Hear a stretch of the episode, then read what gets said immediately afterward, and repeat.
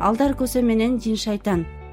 Бар экен жок экен. Бу жарыкта илгери алдар көсө аттуу акылдуу адам болуптур бир күнү ал талаада келе жатса үстү башын жүн баскан. Адам десе адам эмес айбан десе айбан эмес бир неме алдынан чыгат. Алдар көсө кимсиң деп сурады эле жин шайтан дегенди уктуң беле мен ошол болом деди.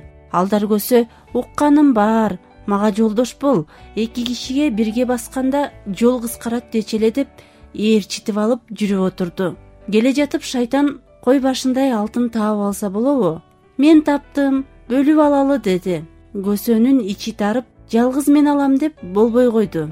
Шайтан эми эмне кылалы? деп сураса көсө кимибиз жаш жагынан улуу болсок ошону салалы да дейт. Шайтан бул шартка да макул болот. Кезекти биринчи көсө алып шайтандан кайсыл убакта туулдуң эле? деп сурайт. Анда шайтан жер бүтө электе ай аяктай тоо томуктай күн күрөктөй экенинде төрөлгөнмүн деп жооп берет. Аны укканда көсө өңгүрөп ыйлап кирсе болобу? Шайтан таң калып эмне ыйлайсың деди эле так сен төрөлгөн убакта мен алты жашар бала элем ошондо ак улагым бар эле жоготуп алгам ошого ыйлап жатам дейт.